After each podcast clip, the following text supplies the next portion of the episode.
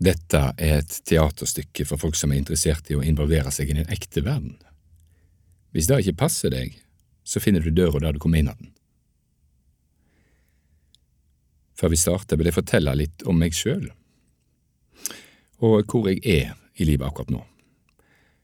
Først vil jeg si at for åtte år siden så var jeg en daglig bruker av 0,5 mikrogram forbundet med 4,4 hydroksy, 3,5 diodofenoksyl, propansyre som er metabolisert mens vi snakker, i min lever, nyre, hjerne og muskler. Et spel er en aktivitet definert av regler. Spillere prøver å nå et mål. Spill kan være lunefulle, morsomme eller svært seriøse. De kan bli spilt alene eller i komplekse sosiale scenarioer. Tenk på alle spillene dere veit om. Hvem spilte dere med? Det er riktig.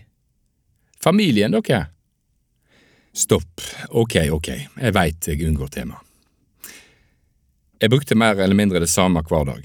0,15 ivogstel, 13 beta-etyl, 17 alfa-etinyl, 17 beta-hydroksygon, 0,3 milligram av etinyl estradiol, 20 yne, 17 cellulose, 6 laktose, magnesium og polakrylin potassium for mine gonadotroponer, som hemmer min eggløsing, tykner nakken og forandrer livmorsslimhinner.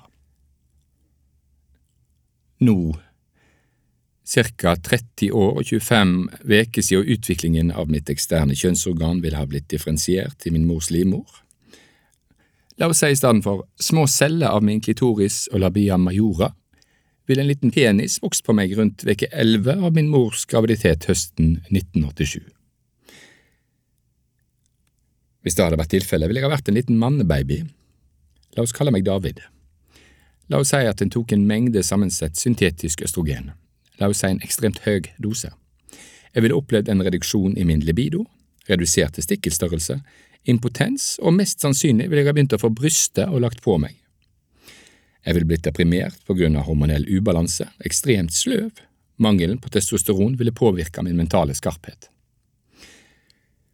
Før symptomene ble for brutale, fortsatte jeg med mitt TV-show.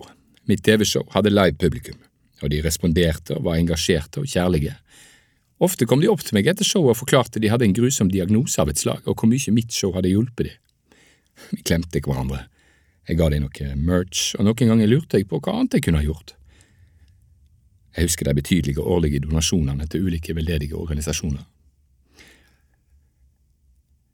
Jeg skal fortelle dere en kjærlighetshistorie. Du har hørt utdrag fra Birdface av Runa Skolsegg.